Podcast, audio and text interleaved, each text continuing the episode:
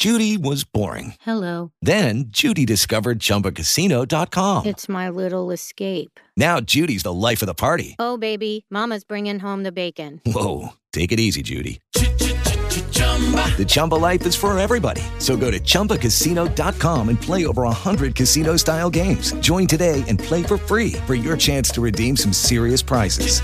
chumba ChumbaCasino.com. No purchase necessary. Void where prohibited by law. 18 plus terms and conditions apply. See website for details. Amma tarix sübut edib ki, nələrsə məcbur edəndə onun effekti o qədər də yaxşı olmur. Həm valideynlər, həm də şagirdlər intizama könüllü surətdə gəlməlidirlər.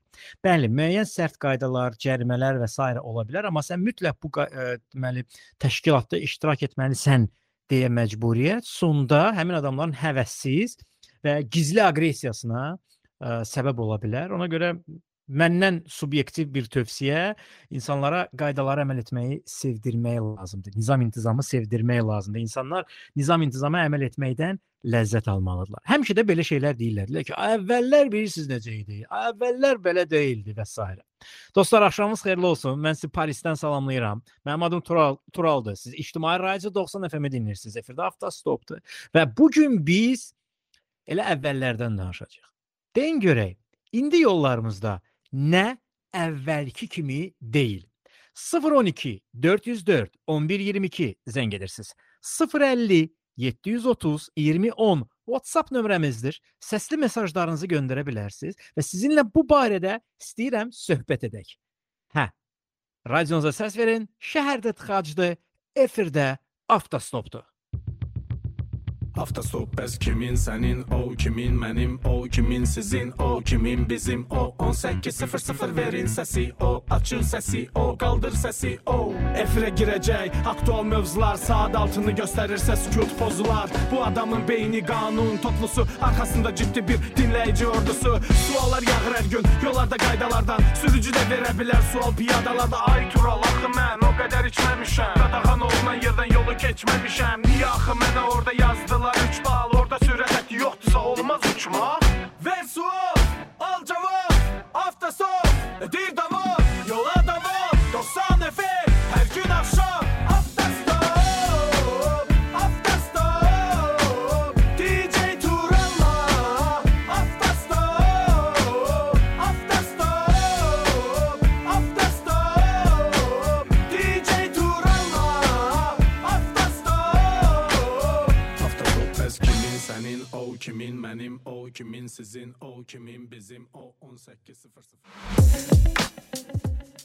Dostlar axşamınız, dostlar axşamınız, dostlar Rural İctimai Radio 90 FM dinləyirsiniz. Yol hərəkəti ilə bağlı ürəyiniz hardan istəyir sual verin. Mən sizin sualınıza cavab verəcəm və deyin görək nə yollarımızda əvvəlki kimi deyil. Yeri gəlmişkən xəbərlərdə dedilər ki, nəqliyyatdan söhbət düşdü. Elə ə, burada da mən artıq metrodan daimi olaraq istifadə etdiyimə görə deyə bilərəm. Ə, çox yaxşı metro şəbəkələşməsi var. Bu nədir? Siz bir stansiyaya daxil olandan sonra o ara keçid stansiyaları var ki, orada müxtəlif digər məsələn yaşıl xəttə, sarı xəttə, qəhvəyi rəng ə, xəttlərə keçid edə bilirsiniz. Onlar hamısı yerin altı ilə baş verir. Və siz yerin altında sanki Parisin yeraltı dünyasını səyahət etmiş olursunuz. Çünki bəzi stansiyalar yenidir, o daha müasir dizayndadır. Bəzi stansiyalara baxırsan bu aid olur 1920-30-cu illərə. Orada biraz dar ə, keçidlərdən ibarətdir. Amma qatarların arasında da müasir yeni qatarlar da var, köhnə üsulla qapıları açılan qatarlar da var. Eyni şey Londonda da ə, mövcuddur. Yəni ə, metrodur məsələn metronun girişində metro sözü yazılması əvvəlki fransız fontları, yəni şriftləri əsasında yazılır. Amma içəri girsən əvvəlki kimi deyil də, yəni burada da bir müasirləşmə var. Amma şəbəkələşmə ideal surətdədir. Siz Parisin bir yerindən digər yerinə ki, Parisin əhalisi 11 milyon nəfərdir. 11 milyon nəfər, 1 milyon nəfər, 1 milyon sakinləri sayı Azərbaycanın əhalisinin sayı qədərdir. Və ə, siz Parisin bir tərəfindən o biri tərəfinə maksimum metro ilə 30 dəqiqəyə gedib çatacaqsınız. Maksimum 30 dəqiqə ilə. İndi siz Aznefdən Binəqədiyə neçə dəqiqə gedirsiniz? Bu artıq bizim ayrı bir mövzumuzdur. İstəyirəm sizdən nə əvvəlki kimi deyil, bax bu mövzuda söhbət eləyim. 404 11 22 zəng edirsiniz. 050 730 20 10 WhatsApp nömrəmizdir. Səsli mesajlarınızı göndərə bilərsiniz və Xalid Əliyev yazır ki, əvvəllər yollarda bu qədər qaçı-qaç yox idi. İndi demək olar ki, hamı tələsir. Yeri gəlmişkən mənasız yerə tələsirik. Poladxanov Nihat yazır ki, yollarda insanların bir-birinə olan yol mədəniyyəti əvvəlki kimi deyil. Əvvəl necə idi ki? Kamran Feyzullayev yollarda olan lüklar, asfaltın üstə asfalt çəkirlər. Heç olmasa lükları da qaldırsınlar. Bununla sizə məsələdə razıyam. Ə, bax burada gəzdiyim müddət ərzində diqqət etdiyim məqamlardan biri odur ki, ə, deməli bu qaz ə, deməli ə, qapaqlar olsun və ya su qapaqları olsun, suyun kanalizasiya dediyimiz o olsun və ya kommunikasiya ə, naqillərinin keçdiyi bölmələrin qapaqları olsun. Onlar yerindən eyni səviyyə, asfaltla eyni səviyyədədir. Yəni siz gedən belə tak tak bir düşəcəyin olmadı. Amma bizdə getdiyin zaman bir dənə tak tak düşdün də. Ayda, nə oldu görəsən maşının askısına? Rəsul Əlibekov yazır ki, sürücülər və piyadalar əvvəlki kimi deyil. Samir Barselona imzası ilə yazır ki, tramvaylar, trolleybuslar və ən əsası təcrübəli sürücülər yox dərəcəsindədir. Kamran Mirzəliyev telefon xəttindədir. Kamran salam əleykum. Əleyküm salam. Necəsiz Kamran? Təşəkkür edirəm, çox sağ olun. Siz necəsiz? Təşəkkür, mən təşəkkür edirəm. Sonuncu və metroya nə vaxt minmisiniz? Sonuncu da metroya bir hardasa bir 6 il bundan qabaq bəlkə. 6 il bundan qabaq. 6 il ərzində niyə metroya düşmürsüz? Yəni mənim çıxdığım vaxt, evdən çıxdığım vaxt və axşam qayıtdığım vaxt ə, sərbəst olur yollarda. Yəni tıxac olmur. Ha. Bu əsaslarla yəni mən ə, metroya minmirəm demək olar. Ehtiyac qalmır. Və xəbərimiz də yoxdur ki, 6 il ərzində metroda nə dəyişib. Xəbərim var. Yəni sıx vəziyyətdəyəm, metro ilə istifadə edən yaxınlarımdan o barədə eşidirəm həmişə, amma özüm alınmır heç metroya düşməyə. İnşallah e, bu işimi dəyişsən və yaxud vaxtı dəyişsə işimin mütləq düşəcəm metroya. Belə bir ehtimal varmı işinizi dəyişməklə bağlı? Hələ ki yox. Deməli metro ilə uzun müddət istifadə etməyəcəksiniz. Yaxşı Kamran, nə yollarda əvvəlki kimi deyil. Bir konkret ə, məsələ var, onunla əlaqədar sizə zəng eləmişəm. Deməli, ə, Müzəffər Nərimanov küçəsi var. Bu ə, Heydər Əliyev prospekti ilə Dərnəgül şossesinin birləşdirən prospekti Ulduz metrosunun yaxınlığında yerləşir. Bəli. Bir aydır ki, o yolu çox gözəl təmir elədilər, işıq dirəkləri bastırıldı, ə, xəttləməsi baş verdi. Hər şey qaydasındadır. Dövlət strukturlarından da bu barədə razıyam. E, yalnız bir dənə məsələ var ki, 2 ildir dəyişib bu yolda. O da ağır tonajlı maşınların yolun hər iki istiqamətində saxlanmağıdır. Orada kranlardır, yük e, pritsepli maşınlardır. Artıq 2 ildir ki, bu davam eləyir və bu gün də daha bu təmirdən sonra, hətta bu təmirdən sonra da bu baş verir də belə deyək. Orada da qəzalar baş verir. E, geniş yoldur əslində, 4 zolaqlı yoldur. E, ancaq onunla bərabər ə, saxlayırlar deyənə yük maşınları ə, çətinliklər yaranır. Niyə saxlayırlar? Onların parking ərazisidir, yoxsa nə edirlər onlar? Heç bir parking ərazisi deyil. Yəqin ki, kimsə icazə verib onlara. İndi mən deyə bilmərəm kimsə kim icazə veribsə, amma hər halda şəhərin yerində saxlamır bu cür kranlar, yük maşınları. Bir bu küçəni e, bilmirəm niyə özlərinə parking sayırlar, hesab edirlər və orada heç vaxt Hı -hı. mən görməmişəm ki, cərimə, yəni parking qaydalarının pozulması e, üçün hər hansısa bir reyd keçirilsin və yaxud Hı -hı. nəsə bir tədbirlər görülsün. Yəni müşahidə etməmişəm heç vaxt. Yəni mən yaşadığım yerdir belə deyək. Və hər səhər də çıxıram gəzintiyə e, və belə bir şey gecə də ordadır, səhər də ordadır, axşam da ordadır, həmişə ordadılar. Sadəcə olaraq iş düşəndə çıxırlar, sonra təzədən işlərini görüb gəlib parkinq edirlər orada. Oyda. Və e, bu 24 saat davam edir də onların parkinqi. Bəli, bəli, 24 saat. 24 saat parkinq edir. Bu küçəyə bir, heç, bir heç kim də gəlib demir ki, abi burada niyə saxlamısan maşını? Yəqin ki, kiməsə lazımdır ki, saxlasınlar orada, amma belə bir deyə bilmərəm. Deyə bilmərəm ki, bunun nəyə görə burada saxlayırlar, kim icazə verib, onu deyə bilmərəm təəssüf ki. Ancaq bir dənə onu qeyd eləyə bilərəm ki, yəni qəzalar olub. Moped sürücüsü rəhmətə gedib bu yaxınlarda, cavan uşaqdır. Yəqin ki, indi o da e, dövlət icazə verib onlara işləyirlər. Amma e, belə deyək də təhlükəli bərk sürürlər falan, Hı -hı. belə bir bu yaxınlarda müşahidə etmişik qəzanı. hı. Yəni çox olur qəzalar ümumiyyətlə. Aydındır. Aydındır. Təşəkkür edirəm Kamran zənginizə görə səsiniz də eşidildi. Çox xahiş edərdim ki, bir Bəli. boş vaxtımız olanda inşallah səfərdən qayıdanda bir Hı hı. gündə bu məsələni bir gələrdiniz, baş çəkərdiniz. Ee, yaxşı olardı. Təşəkkür edirəm. Çox sağ olun. Mən də Minnətdaram. Çox sağ olun. Çox sağ olun. Kamran Mirzəliyev zəng elədi. Müzəffər Nərmanov deyir əvvəl yaxşı idi, indi indi pisdir. Nə əvvəl yaxşı idi yollarımızda. Nələr e, indi yollarımızda yoxdur. Əvvəl var idi, indi yoxdur. Bax, bu barədə söhbət edirik. 012 404 11 22 zəng edirsiniz. 050 730 20 10 WhatsApp nömrəmizdir. Səsli mesajlarınızı göndərə bilərsiniz. Və həmçinin dostlar, e, yol hərəkəti ilə bağlı ürəyiniz, yenə də həmişə kimi ürəyiniz hardan istəyir sual verin. Mən sizin sualınıza cavab verəcəm və bu gün Yəqin ki, bu gün axşam Tural Yusuf YouTube kanalında həmçinin Paris avtomobil sərgisinə olan bir 24-25 dəqiqəlik vloqumuzu da izləyə biləcəksiniz ki, Paris avtomobil sərgisində e, yeni nələr təqdim olunur. Bir onu deyək ki, Paris avtomobil sərgisi 2 ildən bir keçirilir. Cüt illərin oktyabr ayının 1-ci həftəsində keçirilir hər zaman.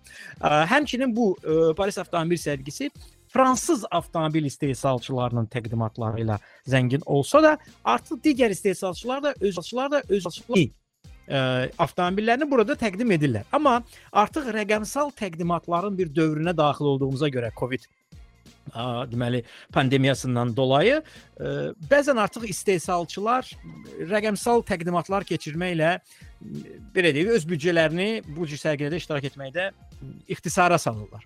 Amma yenə də bu sərgilərin ən vacib məqamı ondan ibarətdir ki, sən avtomobilə toxuna bilirsən.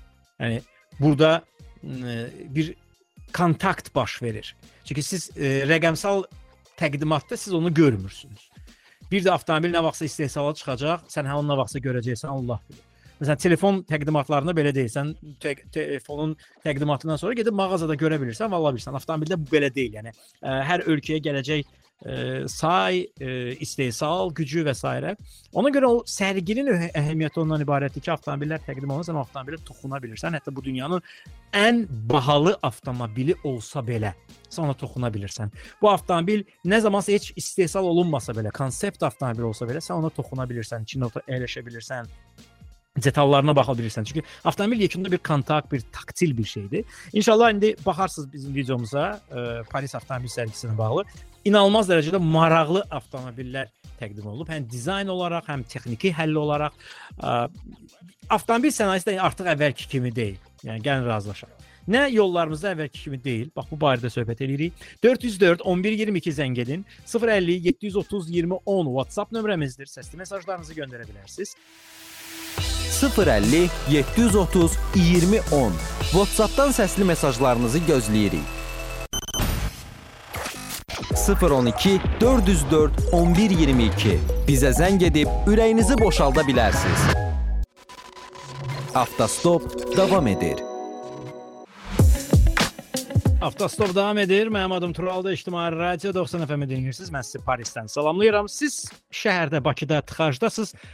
Mən isə Parisdə tıxac görmürəm deyə deyərdim, amma belə də sıx hərəkətli saatlarla tıxacda heç kim qalmır. Məsələn, orada Azneft dairəsində kimi yol polisi dayanıb yolu bağlamır ki, bu tərəf keçsin, o tərəf dayansın. Svetoforlardır. Svetoforlar işləyirlər. Hansı hallarda ki, svetoforlar işləmir, onlar ora olur nizamlanmayan yol ayrıcı. Bax bu gün mən şəhərin mərkəzi küçələrində təmir getdiyinə görə 3 yol ayrıcında svetofor işləmirdi. Bizə təsəvvür edək də, yəni svetofor işləmirsə yolda nə baş verir? Burada çox rahat idi. Yəni tıxaca düşmədən insanlar yenə də hərəkət edirdilər. Niyə görə? Çünki ə, çox güman ki, bunlarda məktəbdə, yəni sürücülük məktəbində ə, müəllimlər tərəfindən öyrədilib ki, nizamlanmayan yol ayrıcında artıq ə, sən üstünsən, mən sağdayam, ona görə hamımız biz burdakı 200 maşın gedəcəyik, o tərəfdə olan 300 maşın gözləsə, onlar prinsipi ilə getməyəcəksiniz. Yəni svetofor işləməyəndə nizamlanmayan yol ayrıcıdır. Bir maşın buradan getsin, bir maşın oradan getsin. İlk dəfə mən bunu Marsel şəhərində görmüşdüm təxminən 4 il, 5 il bundan qabaq. 7 il bundan qabaq. Amma təsəvvür edin ki, Parisdə də artıq mən bunu ilk dəfə gördüm bu gün ki, e, nizamlanmayan yol ayrıcında sağdan gələn bir ki, üstündür. Əgər üstünlük nişanları varsa baş yol, stop. Bu zaman üstünlük nişanları tərəfdən gələn üstündür. Bunlar üstünlük olmasına baxmayaraq növbə ilə gedirlər. Nə? üstünlük hüququ olan nəqliyyat vasitəsi bir maşın getdi, ikinci dərəcəli yolda olan nəqliyyat vasitəsi onun ardıca gedir. Təzədən yenə üstünlük tərəfdə olan biri gedir. Bax bir-bir gedirlər. Biri buradan, biri oradan. Biri buradan, biri oradan və mən bunu Bakıda təsəvvür edə bilmirəm. Yəni sürücülərimiz arasında sən ə, belə bir sinxron ə, hərəkət çox təəssüf ki, təsəvvür edə bilmirəm. Bəlkə əvvəllər belə olub, deyə bilmərəm. Xəyal Şahmuradov telefon xəttindədir. Xəyal salam əleykum. Allah salam eşitdirəm. Necəsiz Xəyal? Çox sağ olun, yaxşı olasınız. T- ə, Son dəfə metroya nə vaxt minmisiniz? Sonuncu dəfə metroya 2 ay olar təxminən. 2 ay bundan qabaq nə baş vermişdi ki, 2 ay bundan qabaq metrodaydınız? Nə baş vermişdi? Hı hı. Gedəsi yerim var idi, belə deyək. Provkaların əlindən düşdüm metroya metroya. Xoşa gəldi. Normaldır, yaxşıdır. Yaxşıdır. Hə, Sıxlıq. S- ə, Ümumiyyətlə ə, bundan öncəki metro təcrübənizlə illəri müqayisə etsək, əvvəlki metro ilə indiki metro arasında nə fərq var? Yeniliklər, ə, təzə vaqonlar deyək, metroların gəlməsi.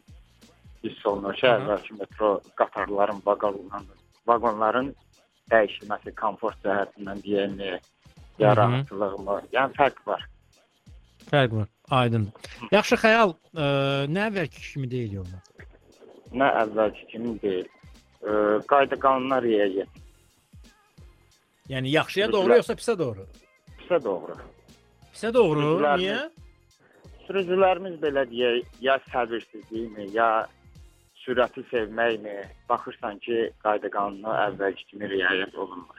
Yəni ə, mənim fikrimcə belə deyək. Bəlkə də fikrim fikrimdə yanıla bilərəm. Ancaq- yəni əvvəllər qaydalara əməl edənlər daha çox idi. Nisbətən daha çox idi, bəli. İndi nə oldu ki, birdən-birə pozuldu? Cərimə də var, cərimələr də qalxıb, yol polisi də cəriməsini yazır. Nə oldu? Yenə yenə də hər cərimədə, yəni protokolun yazılmasına baxmayaraq yenə də qaydalar pozulur. Aydın. Buyur eşidirəm sualım var. Kral müəllim, sizə bir sual vermək istəyirəm. Deməli, Hı hı. mən ə, yük maşınında işləyirəm, tır belə. Hı -hı. Yük daşıma şirkətlərinin birində tır iş- işləyirəm. Mən yanacaq doldurma məntəqəsində dayanmışam. Yanacaq doldururam. Hı hı. Ə, həmin yanacaq doldurma məntəqəsində də 2 dənə yanacaq doldurma pompası var. Birində mən dayanmışam, birində də başqa bir digər bir maşın. Demək, bu iki maşının arasına bir dənə Mercedes markalı maşın gəlib arxa-arxaya mənim düz qarşımda. Yəni necə deyim, saxlama heç düzgün olmamaq şərti ilə belə deyək. Gəlib saxlayıb mənim qarşımda. Mən yanacağımı doldurdum və hərəkətə başlamaq istədim. Mən bunun qapısından toxundum və qapı əzildi. Nəysə bizi apardılar polis bölməsinə, dəvət olunduq. Orada hadisəni danışdıq. Olduğu kimi dedik. Orada mənə protokol yazıldı. Mən o protokolla razı olmadığımı dedim. Hətta dedim ki, qərar. Mən çox üzr istəyirəm. Arxa-arxaya girib deyəndə ki, çəpəki dayandı qabağınızda. Bəli, bəli, arxa-arxaya səfəkə gəldi. Yəni ə, saxlamaq qaydası da düzgün olmadan Hara tələsirdi ki? Yoxsa axırıncı O yanacaq idi orada. Nə olmuşdu? Yox, hər tələsməyən deyə bilmərəm. Bu bunun deməyi, sürücünün deməyi belə oldu ki, gəlmişəm mən xahiş eləmişəm 20 manatlıq ə, tez vurub getməyə. Ə, maşında müştərilər sərnişin olduğuna görə vurub tez çıxmaq istəyirdim.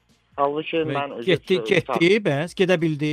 Getmədi. Sərnişinlər də daha vaxtda vaxtımız bitdi. A, ay sağ oldu. Yəni ver- verilən qərar xahiş elədim, verilən qərar doğru deyilmiş də sən demə. Yəni, Orası doğru deyil. Tə, tə, tə, tələsirəm. Hə, tələsirəm, mən tez gedim. Deyir ki- Tələsdə geri düşdü. Hə, şey deyir, yəni bu ə, hətta sufilərdə də belə bir söz var, deyir ki, tələsən hər zaman gecikər. Əlbəttə. Hə, yəni bu tələsməklə gecikəcəksən. Aha. Sənə niyə cərimə yazdılar? Hərəkətə başlama və manevr etmə qaydasının pozulması. Mənə bəli, əks olarak çıxıb manevri qaydasını. Mən də ona deyirəm ki, mən hərəkətə yeni başlamışam. Nə Başlamaq olar? istəyirəm. Düşmədim. Harda əks olar? Hey guys, it is Ryan. I'm not sure if you know this about me, but I'm a bit of a fun fanatic when I can. I like to work, but I like fun too. It's a thing. And now the truth is out there. I can tell you about my favorite place to have fun Chumba Casino. They have hundreds of social casino style games to choose from, with new games released each week. You can play for free anytime, anywhere. And each day brings a new chance to collect daily bonuses. So join me in the fun. Sign up now at chumbacasino.com. No purchase necessary. Group. Void were prohibited by law. See terms and conditions. 18 plus. It is Ryan here, and I have a question for you. What do you do when you win? Like, are you a fist pumper? A woohooer, a hand clapper, a high fiver. I kind of like the high five, but if you want to hone in on those winning moves, check out Chumba Casino. At chumbacasino.com, choose from hundreds of social casino style games for your chance to redeem serious cash prizes. There are new game releases weekly, plus free daily bonuses. So don't wait. Start having the most fun ever at chumbacasino.com. No purchase necessary. VGW Group. Void were prohibited by law. See terms and conditions. 18 plus. Bunun yazdığı protokolda mənə yazıldığı protokolda. Mən həmin polis şöbəsində mənə protokol yazan polis polis əməkdaşına mən dedim ki, hərəkətə yeni başlayıram. Mənə cərimə düşmür. Mən düzgün şəkildə ə, saxlamışam. Hı -hı. Ə, mənə deyir ki, sənə əks olağa manevr qaydasını pozmağa görə cərimə yazıram.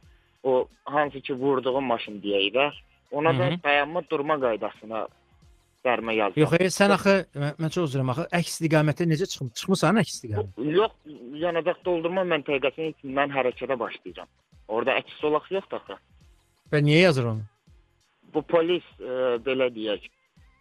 O birisi vurulan sürücü deyək də, hansı ki maşını əzilən sürücü. Ona deyir dayanma durma qaydasını yazıram. Bildim, e, Manat. sənə Mən niyə onu yazır? Sən axı əks Mən işte yanacaq doldurma məntəqəsinin içərisinə Sən hərəkətə başlamazdan öz, ö, ö, əvvəl sən düşüb maşının ətrafına baxmalısan, nə bilim, nə etməlisən? Mən də deyirəm amma Hə də onu bildim, amma bu əks istiqamət aidiyyatı yoxdur axı. Hərəkətə başlama manevr Mən et. Sən polis- sənə uzaq başlı deyilə biləcək cərimə 40 manatlıq cərimədir hərəkətə başlama və manevr etmə qaydalarının pozulması. Sənə yazıla biləcək maksimal qayda pozuntusu bu ola bilər. İndi mən sənin necə hərəkətə başlamısan e, görmədiyimə görə, bilmədiyimə görə ehtimaldır ki, tutaq ki, sən hərəkətə başlama qaydasını pozmusansa, sənə yazılacaq cərimə, cərimə 40 manatlıqdır. 60 manat 3 cərimə ballıq yazılır. cərimə yanacaq e, dayandırma məntəqəsində əks istiqamətə çıxıb hərəkət istiqamətinin əksinə getmək 60 manat 3 bal niyə yazılmalıdır? Xeyr, 40 manat, 36 manat idi, 40 manat e, cərimə protokol yazılıbdı. Halbuki mən o protokolla razılaşmadığımı bildirdim polis əməkdaşına. Ki, yəni bu protokolu şikayət əsasında şikayət olunacaq. Əks də istiqamətə çıxmaq 40 manat deyil axı o cərimə. Bəlkə əks istiqamətə çıxmadan manevr etmə qaydalarının pozulmasıdır. Manevr etmə qaydasını o mənə dedi. Amma indi hı. mənim sizə yəni narahat eləməyə səbəb o idi ki, bilmək istəyirəm ki, mən orada hərəkətə başlamazdan əvvəl bu maşın ki, gəlib mənim qarşımda da- dayanıbdı. Buna da yazır dayanma durma qaydası. Axı yanacaq doldurma məntəqəsində o dayanma durma znakı yoxdur axı. Buna o protokolu yazmayıb, mənə o 40 manat yazmağından gedir. Ya odur mənə Mən hətta Ümumiyyətlə, ümumiyyətlə e, orada məsələ elə bil ki düz getməyib. e. Yəni ona da o cərimə yazılmır axı. Dayanma durma qaydalarının pozulması nə demək? Dayanma durma qaydalarının pozulması yol hərəkəti haqqında qanunda göstərilib ki, hansı halda dayanmaq olar, hansı halda durmaq olar. Öz zapravka yanacaq doldurma məntəqəsində həmin znakı yoxdur axı. Hə, nişan qoy qırağa. Məsələn, nişan Nişan- olmasa belə nəqliyyat vasitəsi, nəqliyyat vasitəsi, nəqliyyatmağın daima durma qaydasının pozulmasına səbəb ola bilər. Amma orada şərtlər var. Məsələn, avtobus dayanacağına yaxın məsafədə saxlamaq, işarə var, amma paralelsən, perpendikulyar saxlamısan və s. Digər hallarda isə burada qəza baş verib. Qəza baş verməsi digər şəxsin deməli yanacaq doldurma məntəqəsində doldurma nöqtəsinə yaxınlaşarkən nəqliyyat vasitəsini saxlaması səbəbindən və sənin hərəkətə başladığın zamanı baş verib. Və salam. Yəni Bəli. bunun üçün ayrı e, o cərimələrin yazılması biraz mənə görə subyektiv olacaq. Çünki hadisəni tam ə, görmədiyimə görə nəsə yekun bir şey demək do- doğru deyil. Ə, gəlin belə eləyim. Mən sizin nömrənizi göndərim səlahiyyətli şəxsə. Sizinlə əlaqə saxlasınlar. Yaxşı Ə, və olar. bunu bir də araşdırsınlar. Oldu, çox sağ ol, Allah razı olsun. Siz sağ olun, təşəkkür edirəm çox sağ olun zənginizə görə. Minnətdaram. 404 11 22 zəng edirsiniz. 050 730 20 10 WhatsApp nömrəmizdir. Səsli mesajlarınızı göndərə bilərsiniz. Rəna Kərimova telefon xəttindədir. Rəna xanım salam eləykin. Salam Tural bəy, necəsiz? Yaxşı ola siz necəsiz? Çox sağ olun. Nə xoş ki Parisdəsiz. Amma ehtiyatlı olun. Yəni mən bir dəfə başıma gəlib Parisdə o sarı şişlərin belə deyək, Aha, vaxtında düşmüşdünüz, hə, e, belə çox stres yaşamışdım o vaxtı. Siz də ehtiyatlı olun. Allah kömək olsun. Təşəkkür edirəm Rəna xanım. Yeri gəlmişkən e, Fransada ginekoloqlar ilinə 138 min avro qazanırlar. Siz də yəqin o qədər qazanarsınız. Oy, dərdimizi tezələmək. bizim dövlətin yanvar ayından verəcəyi bonusları hələ ala bilməmişik. O bizim o başqa mövzudur. O, Doğrudan bonuslarınızı almamısınız hələ? yox, hələ almamışıq. Yox, nəysə bu. Löşbatan tibb mərkəzi deyəsəm yaddan çıxıb respublikadan kənar bir yerdə. Aydındır. Yaxşı. Sonrası və metroda nə vaxt olmusunuz Rəna xanım? Mən metroda, metroda belə deyim də, hardasa 2-3 ay yəqin ki, bundan qabaq əsasən nə vaxt minirəm? Hardasa Neftçilər e, stansiyasına ya Qara Qarayev stansiyasına gedirəmsə əgər, orada bir Hı hı. işim varsa, onda maşını e, yollar tıxac olur, maşını saxlamağa yer olmur. Yəni onda təbii ki, metrodan istifadə edirəm. Yəni Mhm. ə, son vaxtlar eşitdiyim o sıxlıq mənə rast gəlməyib. Axır vaxtlar sosial şəbəkələrdə paylaşırlar, yaman sıxlıqlar var metrolarda. Var yeri gəlmişkən sizə deyim ki, e, e, Paris metrosunda da var. Burada 308 stansiya olmasına baxmayaraq, Aha. a, yəni insanlar da ictimai hamının burada maşını yoxdur və şəhərin içərisində maşınla gedib tıxacda qalmaqdansa, səhərlər və axşamlar işdən çıxanda və işdən gələndə metroda çox Onların- böyük sıxlıq çox böyük Olur. sıxlıq olur. ha. Hə, yəni hətta mən məsələn e, məsələn bu gün mən e, Mhm. əks istiqamətdə metrodan çıxmışam, metrodan çıxmışam, metrodan. Dərinə keçid eləyirdim. Qəhv yaşıl xəttdən qəhvəyi xəttə çıxmaq istəyirdim. Mhm. Qəhvəyi xəttə çatanda gördüm ki, qorxu- burada o qədər adam var ki, sən heç qapının ağzından o tərəfə keçə bilməsən. Geri döndüm, cəmaatın giriş elədiyi yerdən belə əyildim, altdan çıxdım ki, mən çıxıram. Ondan sonra ayaqla gəzərəm. Baxmayaraq ki, yağışlı falandır, amma ayaqla gəzmək, piyada gəzmək daha faydalı oldu, nəinki o basa-basa getmək. Getmək. Bəlkə hadisələrlə əlaqəlidir. Hal-hazırda indi orada biraz e, mitinqlər falan, çıxışlar çox olur. Bütün cəmaət Bu, burada nəqliyyatçıların bir ara tətilləri var. Yəni müəyyən hissəsi Ah. onlara qoşulub, müəyyən hissəsi yox. Adətən Mhm. belə şeylərdə gəlirsiniz. Mən deyim, ə, avtobuslardan ə, ist- ictimai ə, avtobusda ləngimələr olur. Amma metroda hələ ki vəziyyət yaxşıdır. Amma ə, belə basa-bas olur burada. Yaxşı, nə əvvəlki kimi deyil yollarımız. Mən bayaq fikrimi bildirdim, danışırdım oğlanla. Yəni əslində 2000 deyək ki, 3-cü ildən mən sükan arxasındayam. Mən pisləşmə deməzdim. Yollarımız həqiqətən də çox gözəldir. Yəni ki, e, düzəldilib, səliqəlidir. E, e, belə deyək də, yəqin ki, insanların maddi durumu yaxşılaşıb deyə maşınlarımızın sayı artıqdır. Ona görə də tıxaclar var. Bu bir. İkincisi də ki, e, olsaydı əgər yəni bu xarici ölkələri siz də gəzirsiniz, e, mənim də yolum çox düşüb. Tramvay liniyası olsaydı e, daha yaxşı olardı. Yəni bu Parisin özündə də var. İstanbula gedirik, İstanbulun özündə də var. Gör nə gözəldir tramvay liniyaları. Yəni çox Mhm. rahat harasa istədiyim belə deyək e, nöqtəyə gedib çata bilirsən. Bizdə də onu eləsəydilər çox gözəl olardı. Ən azından Yeri gəlmişkən bizə- 2040-cı il Bakının şəhərinin baş planı bu gün ə, Mhm. belə deyək təqdimatı paylaşıldı. Bizim də DJ Tural Avtostop Facebook səhifəsində var. Mhm. Ə, orada hardasa 35 kilometrlik uzunluğunda olan tramvay yolu nəzərdə tutulur. Şəhərin deməli metro, ə, avtobus və tramvay şəbəkəsinin birləşməsi nəzərdə tutulur. Nəzərdə tutulur. Nəzər planıdır 2040-cı ilə qədər. 35 kilometrlik tramvay xətti var. Amma bizim ə, və sizin ömrünüzə gəlib çatacaqmı bunu mən deyə bilməyəcəm. Çünki möhlət 2040-cı ildə, hə, 2040-cı ildə mənim hardasa 60 neçə yaşım olacaq, yəni. Oy da, yox mən qalmaram o vaxtda. E, Niyə? Yox. Qalmaram nə mənada? Ölkədə qalmayacaqsınız yoxsa? Ya Allah həriyə bir ömür verib, yox, yəni ki, həyatda qalmaram nəzərdə tuturdum. Allah bilə yox. məsləhətdir, hə. Belə deyək də, e, yollarımız əla, e, tıxacı nəzərə almasaq, amma bu piyada keçidi Neynəyə Tural bəy e, də- piyada keçidi? sizin- Nə olub? e, sizin məsləhətinizlə bu Mehdi Hüseyndəki e, çəkilə biləcək piyada keçidindən deyirəm. Sizin məsləhətinizlə biz ərizə yazdıq. Qonşular əhatə inandırım sizi bir-bir düşdüm, bütün qonşulara qol çəkdirdim bu ərazidə olan hamıya. Yəni ki, e, özüm belə deyək də e, qa- qabağa keçdim ki, bəlkə nəsə əldə eləyə bilərəm, çünki mənim nəvəm hər gün səhər məktəbə gedir, o yolu keçir və çox təhlükəlidir gedib qayıtmağı. Mənə məktub gəlib, cavab yazılıb ki, e, müsbət rəy veriləcəyi təqdirdə 516.1 5.16.2 piyada keçidi yol nişanları və 1.14.1 nişanlanma xətləri prosedura uyğun olaraq təşkil ediləcəkdir. E, Bu cavab gəlib mənə e, hansı ayda avqust, avqustun 4-ündə. Deməli onlar yol hərəkət təhlükəsizlik komissiyasına müraciət edəcəklər. Yol hərəkət təhlükəsizlik komissiyasında yığılacaqlar. Burada müxtəlif dövlət orqanlarının nümayəndələri olur, baş nazir Aha. başda olmaqla.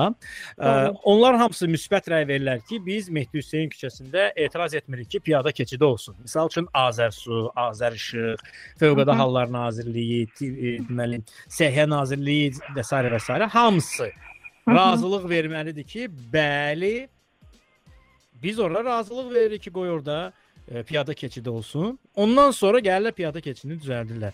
Məndən soruşsaz, məndən soruşsaz, Bəli. burada biraz qəribə bir situasiya yaranır da. Axı bu dövlət orqanlarının nümayəndələrini bir yerə yığıb bir dənə burayı barəsində rəy almaq insan həyatına başa gəlir axı.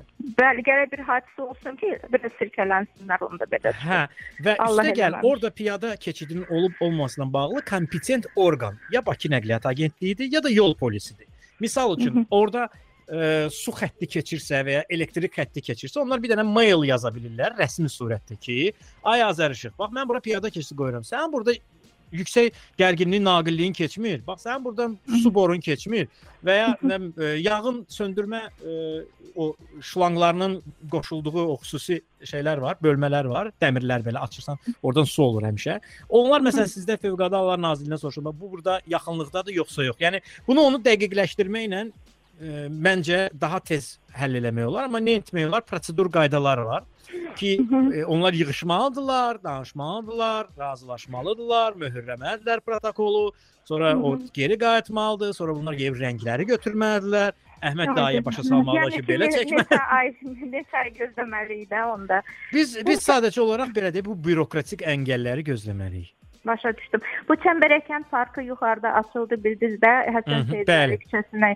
Bax orada da piyada keçidi yoxdur. İnandım bu 3-cü günlər siz e, yolda olub e, reportaj aparırsınız. Həmin müddətdə Bəli. bu ərazidən keçsəniz, e, mən bəzi bəzən balkondan video çəkirəm eyvandan ki, cəmaət necə qaçır, necə kəsirik. O, yolu keçə bilir. Yəni hadisə də ola bilər də. Yəni mən bu işin axırına o qədər çatmaq istəyirəm. Çünki qonşular mənə qol çəkəndə dedilər ki, "Rəxan boş yerə əziyyət çəkirsiniz, heç inanmırıq ki, nəsə eləyərlər." Dedim, "Yox, bir insan qarşısına bir məqsəd qoyanda ağıra qədər çatmalıdır da. Bu belə olmaz axı. Bu insan həyatından Sonra yaxşı, yox, orada da dövlət nümayəndələri falan yaşadığı küçədir də. Yəni belə ə, pis ərazi də deyil. Deyim ki, gözdən iraqdır. Yəni burada dövlət idarələrinin əməkdaşlarının yaşadığı yerdir. Buna bu qədər barmaq arası baxmağın mənası nədir ki? Yəni gəlirsən qardaş, bu belə bir özü orada yol polisi də keçir. Ən azından yol polisi orada xidmət aparır. Yol polisi də baxa bilər, məruzə eləyə bilər. Çünki yol polisinin ə, deməli qanunvericilik təşəbbüslə çıxış etmə, filan qaydaların məsələn tutaq ki, filan küçədə filan şeyin düzəlməsi ilə bağlı, ə, düzəlişlər etməsi ilə bağlı ə, müraciət etmə hüququ var. Yəni bu hüququndan istifadə edə bilər ki, rəis orada adam vurulacaq, e, orada təhlükədir, oraya çəkmək lazım. Biz, biz məktubu da oraya yazarıq da, ünvanlandırarıq. Bəlkə eşidərlər yenə də səsimizi. Yəni Bakı Nəqliyyat Agentliyi və ə, Bakı Şəhər Dövlət Yol Polisi bizi eşidirlərsə, məncə Hı hı. ki eşidirlər. Tez Bəli. bir zamanda ora piyada keçidini bərpa eləmək, də- çəkmək, düzəltmək məncə böyük bir problemli bir şey deyil. Məsələn mən burada nə gördüm? Deməli, o Mehdi Hüseyn küçəsi kimi olan küçələrdə hətta bir neçə hissədə qaldırılmış yerlər var, piyada keçidləri var. Bunu Bəli. eynisini zığda eləyiblər. Yəni o nəyə görə sən yuxarı sürətlə getməyəsən. O piyada keçidinə çatanda hı. aşağı salasan, aşağı salasan. Aşağısında bunu eləmək olar. Çünki cəmaətin gedib gəldiyi yerdirsə, belə küçələrdə o qaldırılmış piyada keçidləri eləyəndə insan həyatından vacib dünyada nə ola bilər ki? Elədir. Sağ salamat gəlin, qayıdın evinizə, işinizə inşallah. E, Təşəkkür edirəm, çox sağ ol. Disneyland'ə də gedin bir baxın, maraqlıdır oralar. Yox, ge ge ge gedib baxmışam amma belə deyək də, e, artıq onu e, bir dəfə oğlumla getmişəm. İndi növbəti dəfə Hə, gəlsəm qızımla bərabər gedəcəm. Hə, ona görə hə, hə ə- ə- ən o yağlı yerlərini uşaqlarla getməyə xərcləmək lazımdır. Arada öz uşaqlığını da belə deyək də qurdunu öldürmüş olursa. Təşəkkür edirəm, çox sağ olun. Sağ olun. Minnətdaram sağ olun. xanım Mən İngilizə təşəkkür görə. edirəm. Sağ olun. Sağ olun, minnətdaram. Təşəkkürlər. 404 11 22 zəng edirsiniz. 050 730 20 10 WhatsApp nömrəmizdir. Səsli mesajlarınızı göndərə bilərsiniz. Yol hərəkəti ilə bağlı ürəyiniz hardan istəyir sual verin. Mən sizin sualınıza cavab verəcəm. Və deyin görək, yollarda nə əvvəlki kimi deyil.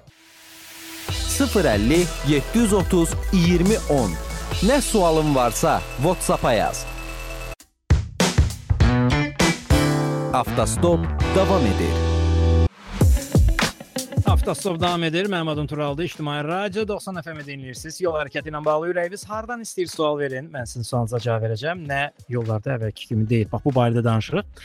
Gələn səsli mesajlar var. Eşidə görək xalq nə deyir.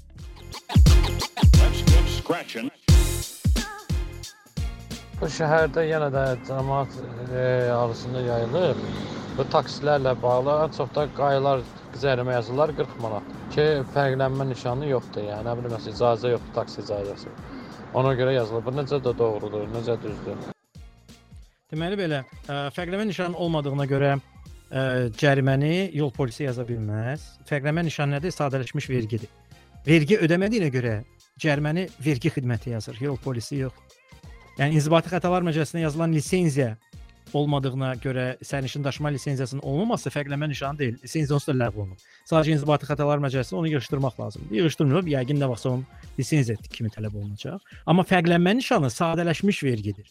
Və sadələşmiş verginin cəriməsini yol polisi yazmamalıdır. Qanuna görə. Amma o protokoldan şikayət edə bilərsiniz. Yəni səhv orqan yazıb. Vergi xidməti yaza bilər o cərimə. Növbəti səsli mesaj.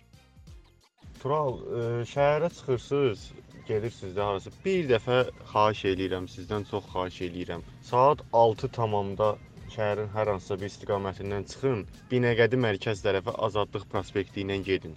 Yəni bu prospektdə olan tıxac kimi il ərzin il ərzində 365 günün hər günü tıxac olur. Elə bir gün yoxdur ki, tıxac olmaz. Tıxac dediyimizdə leksikona əlavə bir söz əlavə olunmalıdır. Yəni bu tıxac deyil, biabırçı bir vəziyyətdir. Bir dəfə şəhərin istənilən mərkəzindən Binəqədi mərkəzə gedin, bir dənə dəqiqəni, dəqiqəni yox, saatları hesablayın zəhmət olmasa görək nə qədər eləyir. Aydındır. Bir dəfə eləmişəm, bir dəfə də yoxlayaram, problem deyil. Təşəkkür edirəm. Növbəti səsli mesaj. Ə, əvvəllər bizim həyət, gözəl həyətimiz var idi. İnsanlar gəlib saxlaya bilirdi maşınlarını. İndi saxlaya bilmirlər. Niyə görə? Keykap Səfər Əliyeva küçəsində e, biznes mərkəzi tikdilər. Bax o ora gələndən bizim həyət olub parkovka üçün yer. Sağ, sol, bardurlarda maşınları saxlayırlar. Yağış yağanda heç cür tərpənə bilmirik. Normal gedib gələ bilmirik, uşaqlarımız oynaya bilmir. Xahiş edirəm yol polisindən bir tədbir görsün bunlar haqqında. Təşəkkür edirəm və səsiniz eşidildi. 404 11 22 zəng edin. 050 730 20 10 WhatsApp nömrəmizdir. Səsli mesajlarınızı göndərə bilərsiniz. Yol hərəkəti ilə bağlı ürəyiniz hardan istəyir sual verin, sual verin, sual verəcəm. Deyin görək. Yollarda nə əvvəlki kimi deyil. Növbəti saatda eşidilərik. Qismət olsa. Bakı vaxtı saat 7 tamamdır. Paris vaxtı saat 5-dir.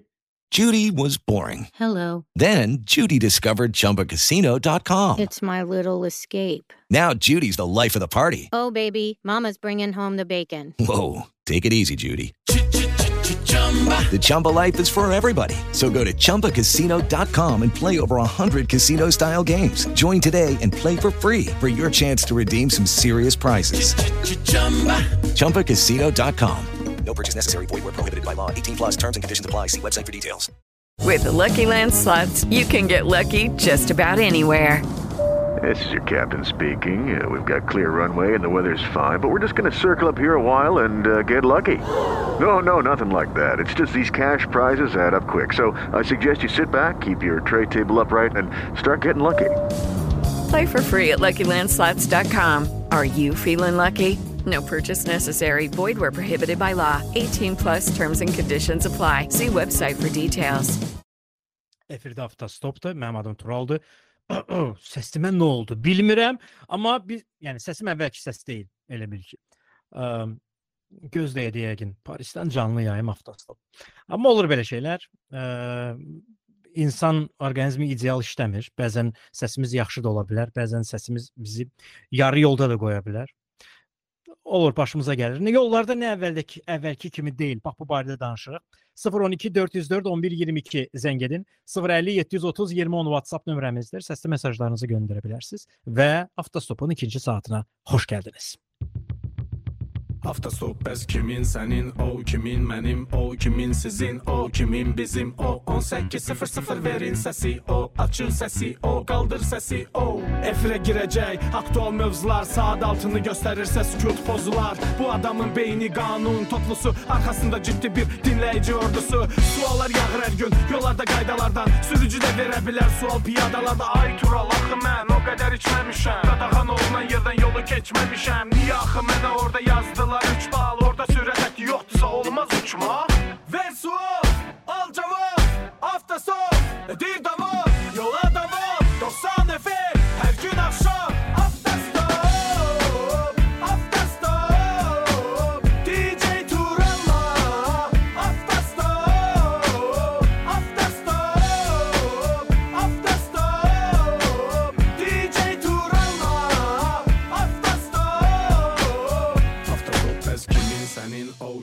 mənim, o kimin sizin, o kimin bizim, o 1800. Avtostopda efirdə mənim adım Turaldır. İctimai Radio 90 FM-i dinləyirsiniz. Yol hərəkəti ilə bağlı ürəyiniz hardan istəyir? Soyir, soyir. Sualınıza cavab verəcəm və dostlar, deyin görək, yollarda nə əvvəlki kimi deyil.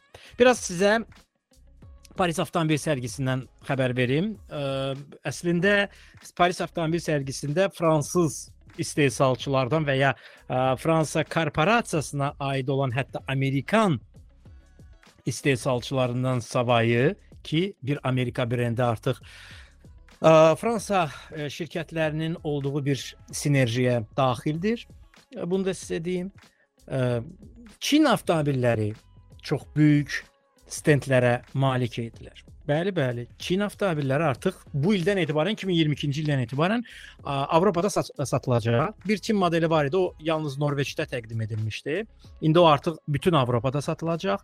Yəni onun siz məsələn o avtomobili siz Çindən alsaydınız, menyusunu ə, çox güman ki, Çin dilində və Çin qaydalarına uyğun belə ə, qurulmuş bir avtomobil almış olacaqdınız. Amma indi hal-hazırda ə, deməli aşağı qiyməti 32 min avro, maksimal qiyməti 48 min avroya olan sedan deməli 52 min avroya olan isə 7 nəfərlik 52 mindən 57 min avroya qədərdir qiyməti, 56 min avroya qədərdir qiyməti komplektasiyadan asılı olaraq 7 nəfərlik elektrikli SUV-dir.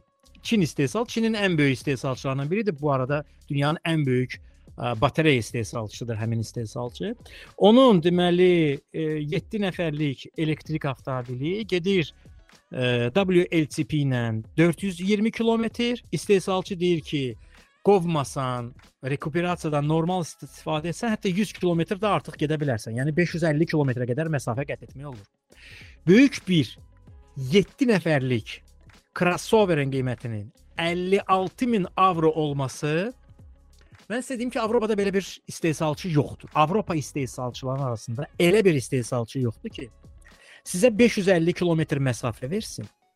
7 nəfərlik böyük bir SUV versin. Hər şey yüksək keyfiyyətdə hazırlanmış. 4 0-dan 100-ə 4.5 saniyəyə sürətlənsin. Yoxdur. 56 min avroya belə bir istehsalçı Avropada və Amerikada yoxdur. Yəni Çinlilər isə ki bilirsiniz ki, Çin avtomobilləri Avropaya girməsi üçün Euro NCAP dan keçməlidir. Var dünya NCAP var, World NCAP deyilən bir şey var. Çinin özünün də təhlükəsizlik sistemi China NCAP məsələn onun ə, üzvlərindən biridir. Amma biz belə deyək, ənənəvi olaraq Euro NCAP-a inanırıq. Çünki Avropa standartları və tələblərinə uyğun avtomobillər olmalıdır. Artıq Çinin bu istehsalçısı, adını demirəm, ə, videoya baxanda Tural Yusuf YouTube kanalında görəcəksiniz. Euro NCAP-dan keçmiş, uzun məsafə qət edən və qiymət və keyfiyyətdə ən uyğununu təklif edir. Və stendləri də ən böyüklərindən biridir. Fransız istehsalçılarından sonra ikinci ən böyük stend, stend ə, deməli Çin avtomobil istehsalçılarına aid idi. Burada Vyetnam istehsalı olan avtomobil var idi, Winfast. Ə, onu rahat deyə bilərəm çünki Azərbaycanda dilləri yoxdur, ona görə o reklam sayılmır. Yəni burada plug-in hibrid var idi, hibrid var idi və tam elektrikli avtomobil var idi. O da 7 nəfərlik böyük SUV idi, Winfast və Winfast gedirdi 100 ki- ə, deməli tam 100%lik dolumda 404 kilometr. Aşağı yuxarı rekuperasiya və 410 kilometr. Vyetnamın istehsal etdiyi avtomobil artıq Avropada sa- satılır. Bir də Amerika istehsalçısı, elektrik avtomobilin istehsalçısı vardı. Mən onu Los Angeles sərgisində görmüşdüm ki, o satılmaq üçün gəlib e, deməli Avropaya. Ocean Fisker deyilən bir model var, marka var. Ocean, okean yazılır, Ocean deyilir. Ocean Fisker çox qəribə bir dizaynda olan bir avtomobildir. Amma bu avtomobilin ən böyük xüsusiyyətlərindən biri nədir? O da hardasa 600 kilometrə qədər məsafə qət edir. Amma qiymət olaraq Çinlilərdən baha gəlir çıxır. Amerikandır. Bir dənə də korporasiya var idi. E, deməli, bu korporasiya nə edir? Siz ona benzin avtomobilinizi verirsiniz. Benzin avtomobilinizi verirsiniz. Onlar onu tuning edəndə onu plug-in hibridə çevirirlər. Yəni onun mühərrikinin yanına kiçik bir həcmdə bateriyaya quraşdırılır. Ə, deməli o batareyanın yüklənmə yeri quraşdırılır. Yekunda sizin ə, plug-in hibrid almaq üçün pulunuz yoxdursa, siz həmin şirkətə pul ödəyirsiniz ki, mənim maşınımı plug-in hibrid, yəni yüklənə bilən hibridə, PHEV deyirlər ona. Ə, yüklənə bilən hibridə çevir. Və onlar çevirirlər. Çox maraqlı şeylər var sərgilərdə.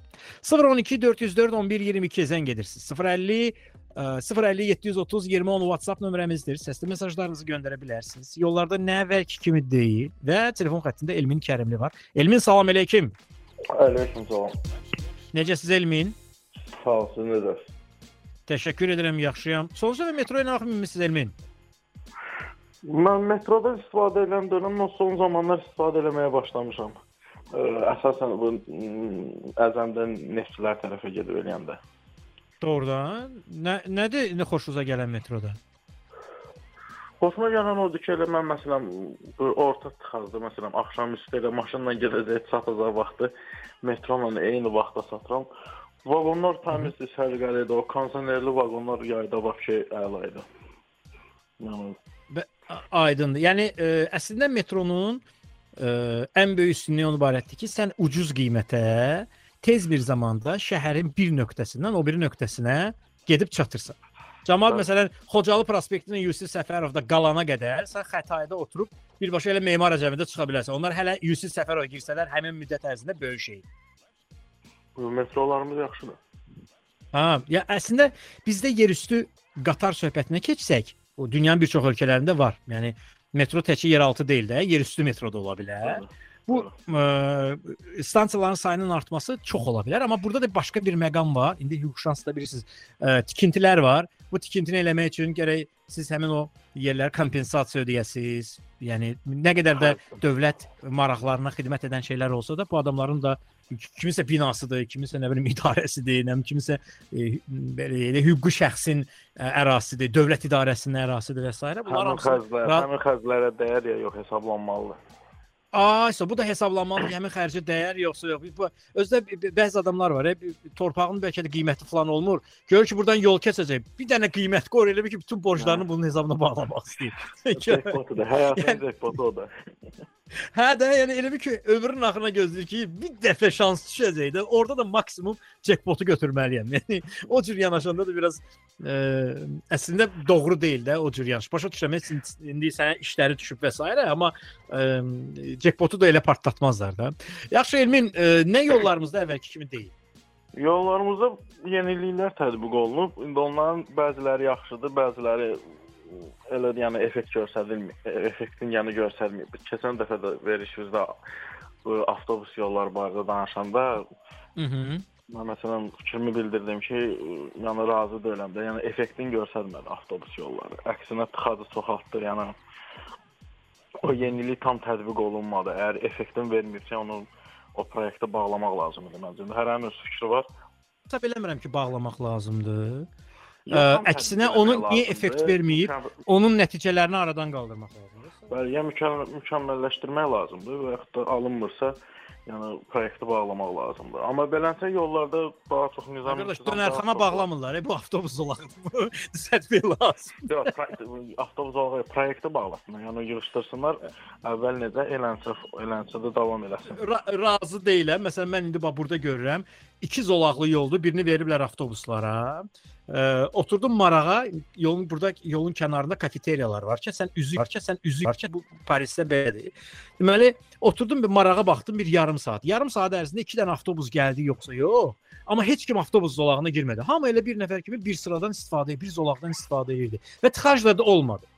Sadəcə onu düzgün tətbiq etməsi lazımdır. Bu necə olur ki, Fransada işləyir, Britaniya işləyir, Britaniya işləyir ki, avtomobilləşmə səviyyəsi bizdən daha çoxdur, əhalisi bizdən çoxdur. Nə oldu deyə bizdə işləmədi?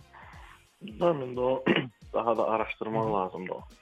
Amma belə yəni qayda qanuna daha çox riayət edirlər.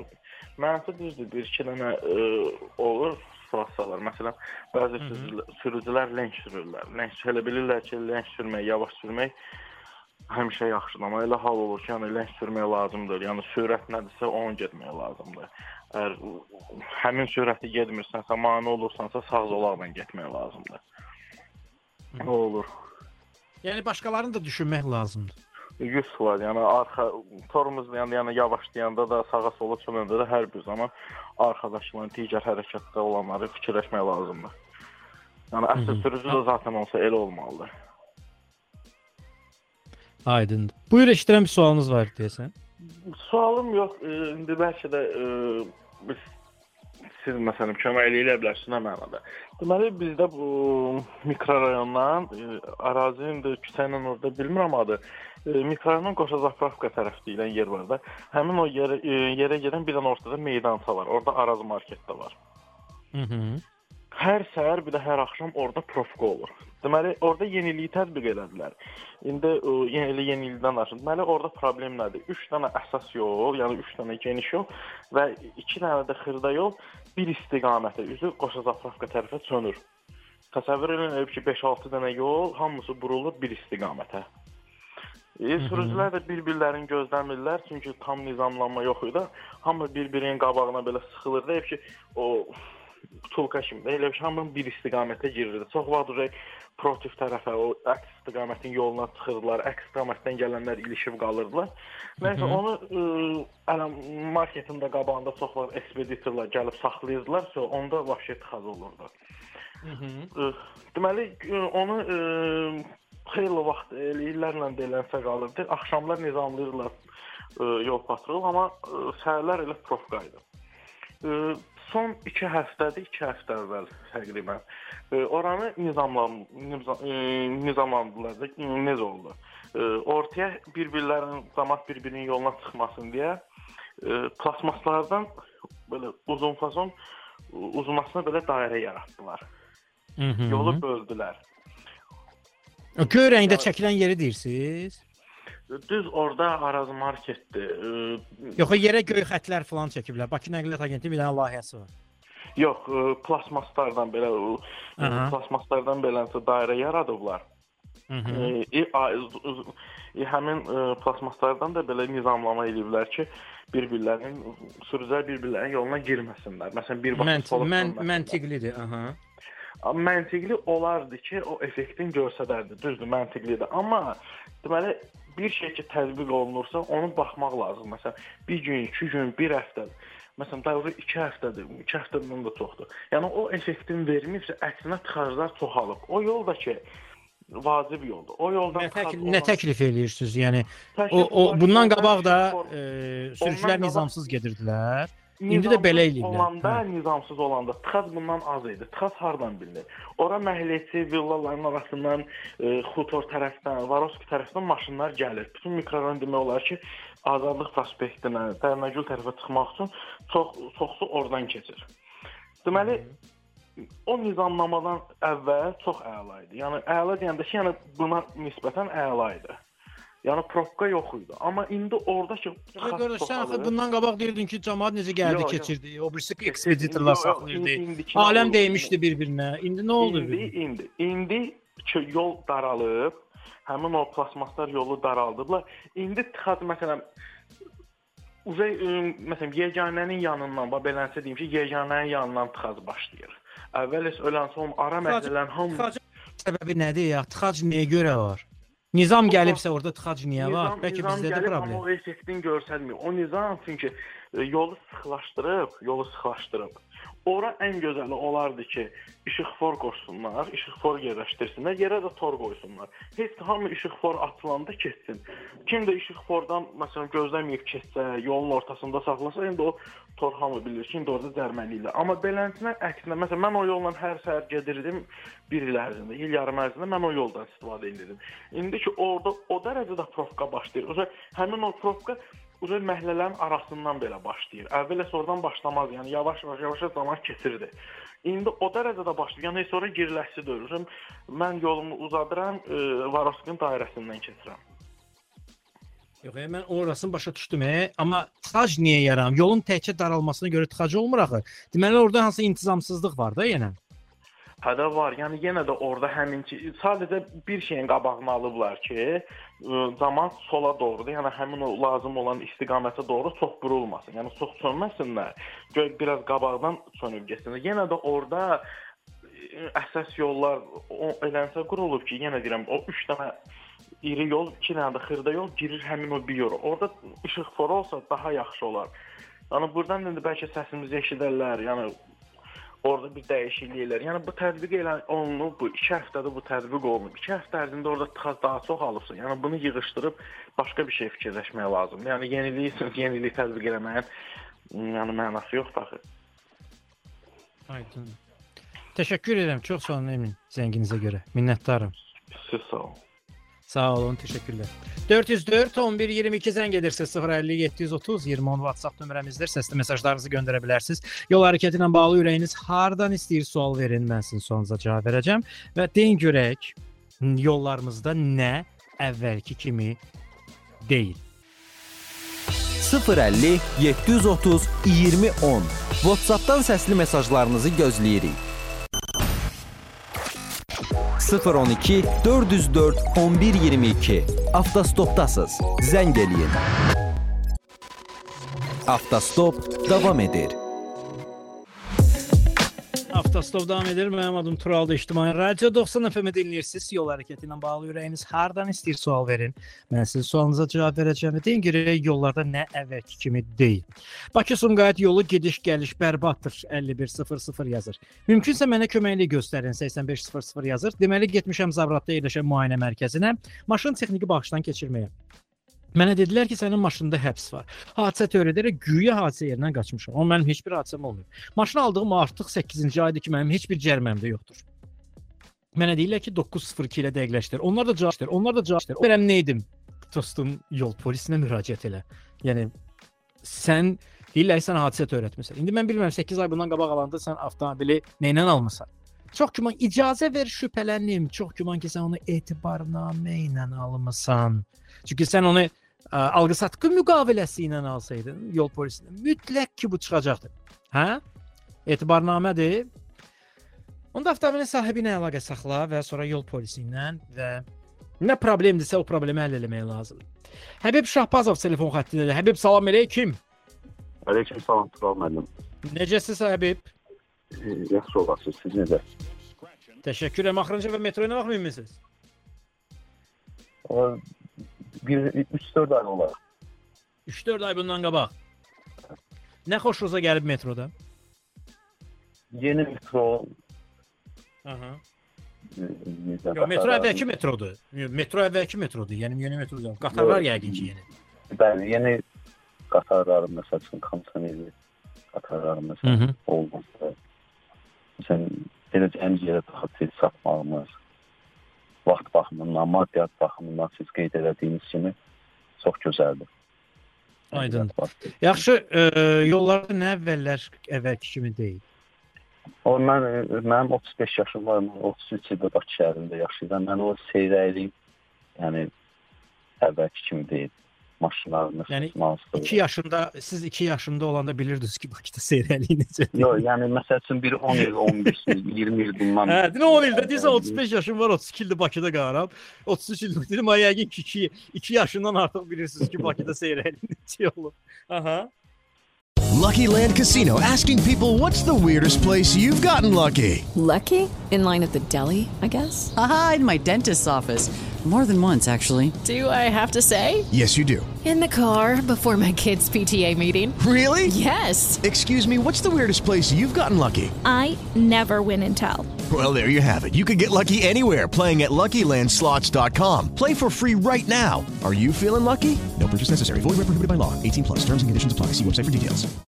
Oh, oh, oh, O'Reilly. You need parts? O'Reilly Auto Parts has parts. Need them fast? We've got fast. No matter what you need, we have thousands of professional parts people doing their part to make sure you have it. Product availability. Just one part that makes O'Reilly stand apart. The professional parts people. Oh, oh, oh, O'Reilly! Auto Parts. Yəni bir 15 ildən e, yəni nəzərə alsaq ki, məsələn o gün statistika açıqlandı televiziyada ki, yəni 2000-ci ildə 140 min avtomobil olduğu halda Bakı şəhərində 2002 il- yəni bu il artıq bu say 700 minə çatıb. Yəni artıq bu 22 ildə yəni o şey, necə deyim, təsəvvür Çox etməyə az artıb. Mən sizə bir şey deyim ki, 22 ildə çox az artıb. Ə, yəni o 1 milyon əhalinin 1 milyon 400 mindən avtomobili var. İsveçdə 11 milyon əhalinin 5 milyonunun avtomobili var. Yəni biz avtomobilləşmiş ölkələr siyasətində deyilik. Aha. O bizdə olan avtomobillərin bilməm işlə bağlıdır, nə ilə əlaqədardır. Yəni günün demək olar ki, yəni ə, o müqayisədə sayının az olmağına baxmayaraq, bilməm o insanların işi daha çox o maşın nəqliyyat vasitəsini istifadə etməklə keçir və yaxud da taksi fəaliyyəti ilə məşğuldur. Nə ilə əlaqədardırsa, yəni onlarda maşın sayının çox olmağı bəlkə də o maşınlar dayanır məsələn günün müəyyən hissələrində. Bizdə ancaq yəni o sayın az olmağına baxmayaraq o maşınlar sanki dayanmır, daim hərəkətdədir. Daim Yəni sanki Bakının ə, si- sizdə də belə bir sual sizdə də belə bir sual yaranır ki, "Git gün orta saat düşdü. Bu qədər cəmaət hara gedir?" Hə? Yəni əlbəttə gün ərzində baxırsan ki, yəni artıq yəni son bu demək olar ki, bu ildə yəni günün istənilən vaxtı tıxac var, günün istənilən vaxtı eyni küçələrdə eyni sayda maşınlar var. Ən maraqlısı Yəni odur ki, mən maşın- keçən dəfə gedəndə ə, adətən Yusif Səfərovda tıxac nə vaxt olur? Axşam üzü Heydər Əliyev prospektində. İndi yenə də Yusif Səfərovda səhər-səhər yenə də Heydər Əliyev prospekti istiqamətində tıxac var. Əgər tıxac var, əgər tıxada a, cəmaətin bu istiqamətdə getməyini başa düşdüm mən. Bəs səhər-səhər işə gələndə də cəmaət niyə bu istiqamətdə gəlir, onu başa düşə bilmədim. Günorta 3 yenə də eyni istiqamətdə tıxacdır. Yəni adamda sanki bir şey yaranır ki, cəmaət harasa gedir.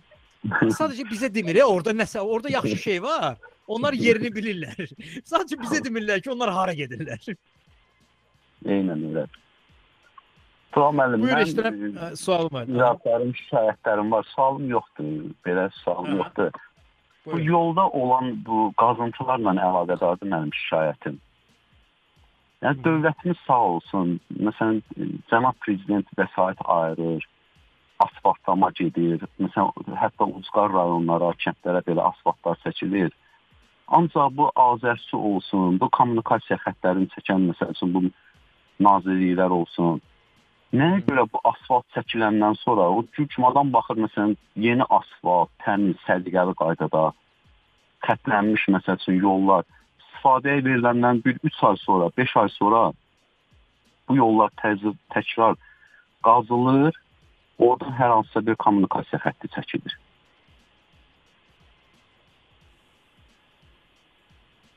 Sual mənə deyir əslində. Sual onlaradır. Amma Yəni çox vacib. Nəyə görə bunlar bir-biri ilə əlaqəli şəkildə? Bu məsələn bu Novxanı istiqamətindən gələndə, o e, Binəqədidə olan o dairədən ki, üzü şəhər istiqamətindən gələndə hal-hazırda o yol qazılır. Və orada e, dəqiq bilmirəm və bir neçə vaxtından əvvəl Kim qazır? Gözəl şəkildə Azərsun səhvlənirəmsə əməkdaşlarıdır. Mhm. Qazıntı işi gedir, qazıblar. Təzə məsəl üçün o yol e, qazınma ola bilər, hər hansısa orada bir su xətti partlayış olsun, qazılsın. Yenidən ora asfalt çəkilsin. Heç olmasa o asfaltı bir standarta uyğun çəkilsin. Orada olan o lüklar yenidən bir yolun o səthinə eyni qaydada yerləşdirilsin ki, orada o bilirsiniz qəza şəraiti yaradır orada. Bu yolun o vəziyyətdə olmağı hansısa orada su hissələrinin yaranmağına məsəl üçün şərait yaradır. Oradan keçən insan- insanlar məsələn o necə deyim, oradan keçən vaxt istada bilərsən. Məsələn, orada yağmalar əmələ gəlir. Aydın. Eləncə məsələn bu problemlər əmələ gəlir. Valla nə bilim, bunu bir çarəsini tapsalar, bu bir asfaltlamamışdan öncə o kommunikasiya xəttlərini çəksələr, asfaltlasalar, ondan sonra istifadəyə versələr bir ən azından bir müəyyən bir neçə il o yol istifadə olunsa daha gözəl olar. Aydındır. Təşəkkür edirəm Həbib. Minnətdaram səsiniz eşidildi. Turan müəllim bir e, şeylə bağlı e, bir, bir iradım da var. Bu mən özüm Həzaslanov qəsəbəsində qalıram, 8 noyabr prospektinin yanında. Hı -hı. Buradan bu NZX istiqamətindən sə- 8 noyabr prospektinə tərəf düşəndə o bu müəyyən ümumiyyətlə şəhərin müəyyən yerlərində o işıqforlara o vaxt e, necə deyim sayı yəni Saniyə verilir. xronometraj. Ölçəmi Çox, çox e, yəni məhdud sayda verilir. Yəni onu bir necə deyim, bir 30 heç olmasa bir 15 saniyədən 30 saniyəyə qaldırsalar, yəni ora orada e, qarajlar var. Məsələn, qarajlardan çıxan o yük avtomobillərin elə işçi ora düşəndə bəs eləyir ki, yəni onlar keçincə artıq qırmızı işıq yanır. Bir də bu neftçilər dairəsində olan e, bu dairədən mənim şikayətim. Yəni bunu necə deyim, o dairəni oradan ləğv eləyərlər. O dörd yola bir işıqforlar qoyalar. İşıqfor nəticəsində o yol hərəkəti orada nizamlansa, o dairənin olmağından daha yaxşı olar məncə. Aydındır.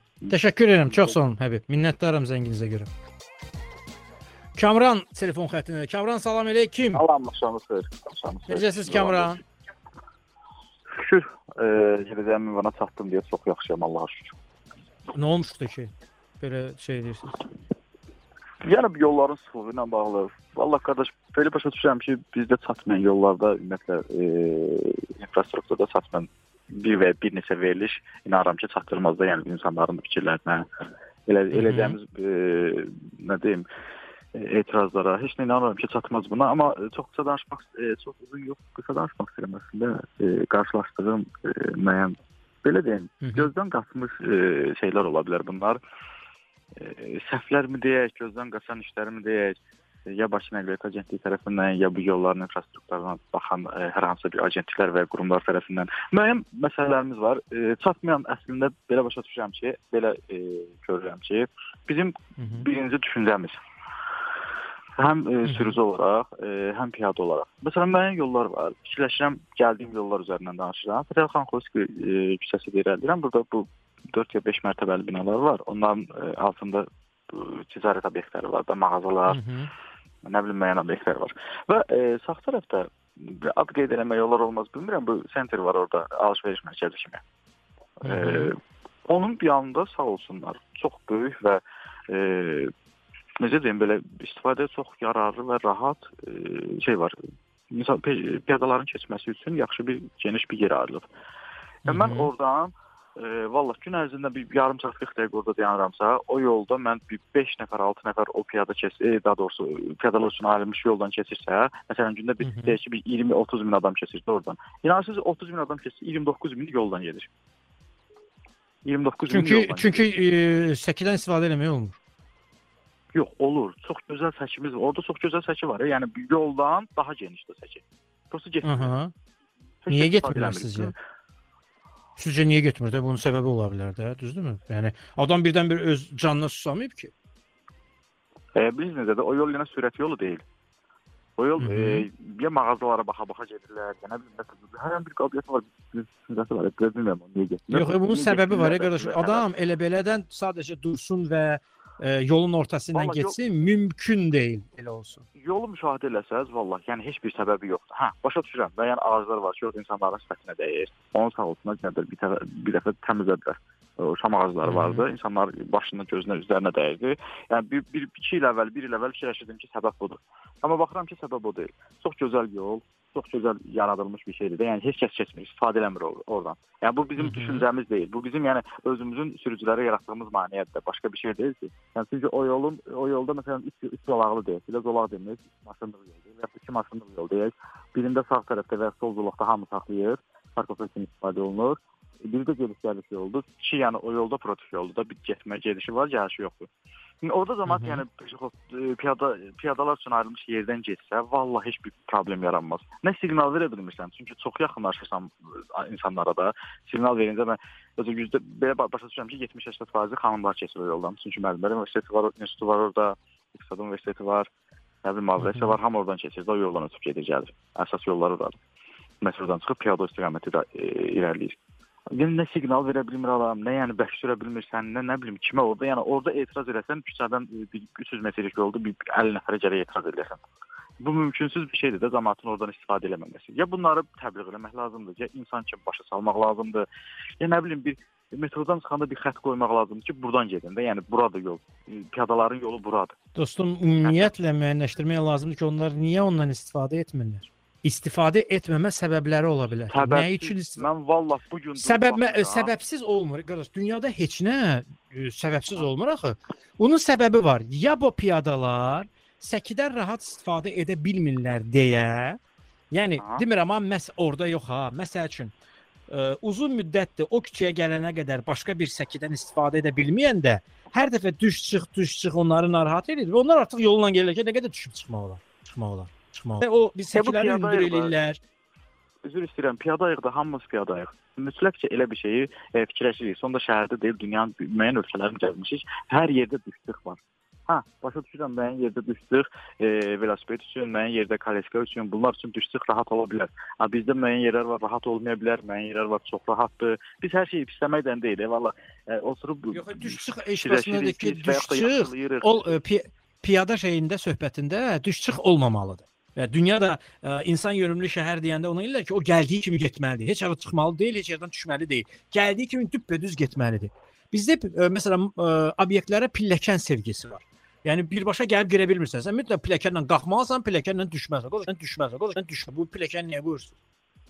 Fikirləşirəm o tamamilə e, başqa bir mövzudur. Bə, belə başqa bir e, sahədir, nəyə görə başqa bir sahədir? Hə, yəni bunu demək, e, onu deyirsiz, onu da bunu da deməliyik ki, obyektlərdə pilləkən hə başa düşdüm. Bizim ayaqlarımız işləyir, şükür Allaha çıxıb düşə bilirik. Yəni bu yaşlı nəslin e, və yaxud da nə bilim kimsə konki ilə gəlir falanla filanla gəlir. Yəni ora və yaxud da uşaqla gələnin orada e, 90 nə qədər obyekt var ya, o gün ərzində nə qədər elə obyekt görürük, hamımız görürük bunu. Yəni ora bu kolleksiya ilə nə bilim e, bu e, üzr istəyirəm bu kimsə qılsı sınıfda hamımızın başımıza gələcək bir şey. Yəni qılsım sınıfdan mağaza qalxmaq. Tamamı qalxa bilmirəm. Mən də kimsə kolleksiya ilə qaldırır və yaxud da özüm belə qalxa bilmirəm. Bu da tamamilə böyük bir geniş mövzudur. No amma bizim yollarımızın e, şey bugünkü günə yəni çatmayan nədir, dəyişən nədir? Ən böyük e, səbəbi məncə maşınları götürmür bu yollar. Darlıqları. Məsələn, Əsəd Əhmədov küçəsi yeni yasamal istiqamətindən. Yəni qardaş, burada yəni mümkün deyil də bir 10 maşın, 15 maşınlıq yol gəlir birləşir bu e, həyət evləri olan e, məhəlləyə yaxınlaşanda üzü, üzü yuxarı yoldur, dik yoldur. Burada da yəni bir-birimizi qətiyyən başa düşmürük. Mexanika sürən, avtomat sürən heç kəs heç kəs başa düşmür. Hamı hamı ilə ara məsələsini hardasa millimə qədər yaxınlaşdırır, saxlayır. Hə, başa düşürəm, hamı getmək istəyir, hamı tələsir. E, qabaqda yəni bir orada bir 7-8 ev sökülsə, bəlkə də 7-8 evin yarısı sökülsə, Valla o yol çox böyük geniş yol olar. Oradan istəyən dönər Şərifzadədən sağa, istəyən düz Qarabağ dairəsinə, yəni sola dönmək olmaz. Yəni o yol ümumiyyətlə bu yolun dərdi mən belə başa düşürəm, e, tək zolaqlıdır. Yuxarı qalxanda bu yol olsa 3 Hə, üç olmasın, iki zolaqlı olsa çox gözəl orada hərəkət olar. Eləcə düz aşağı düşən istiqamətdə. Yenə də sizə doğru düşür aşağı düşən petrol tərəfdən. Bu bir nömrəli belə başa düşürəm ki, darlığı, yolların darlığıdır. İkinci məsələ yenə deyirəm, psixologiyamız, yəni dəfələrlə olub mən yollarda belə tanışlardan, yoldaşlardan, məhəlləmizdə yaşayan, nə bilim, tanıdığım adamlarla rastlaşıram. Hamı tələsir. Yəni yolda sürdüyü sürüşü görsəm mən fikirləşirəm ki, yağ olsun, ya nəsə yanğın baş verib, ya nəsə bir kriminal bir hadisə baş verib, defəzat bir hadisə baş verib. Baxırsan çatır məhəlləyə, hə, dayanıb orada nə bitində e, semişkə çıxır məsələn. Orada kimləsə söhbət edir. Qardaş sən tələsmirsən, amma səndən başqa tələsən adam çoxdur da. Yəni adamlar tələsir. Kim gedir, nə bilim, e, falan eləyir, falan eləyir, uşağını götürə bilər, plan ola bilər. Nə, nəsə ola bilər də hər bir tələsmə səbəbi olar. Yəni tələsən tələsməyəni yolda biz ayırd edə bilmirik. Hamı tələsir. Hamı tez getmək istəyir. Səbəbli da özünü tələsən kimi göstərir. göstərir də. Yəni vallahi Hə, elə adam elə adam var ki, məsələn keçən dəfələrdə mən arxadan gəlir, özünü öldürür, sol zolaqdadır. Özünü öldürür, hamını qovladı, qovladı. Təsəvvür edin 100 metrdən sonra döndü sağa çıxdı getdi. Əgər sən sağ lazım deyil, sağla getdi, olsa sağ başdı.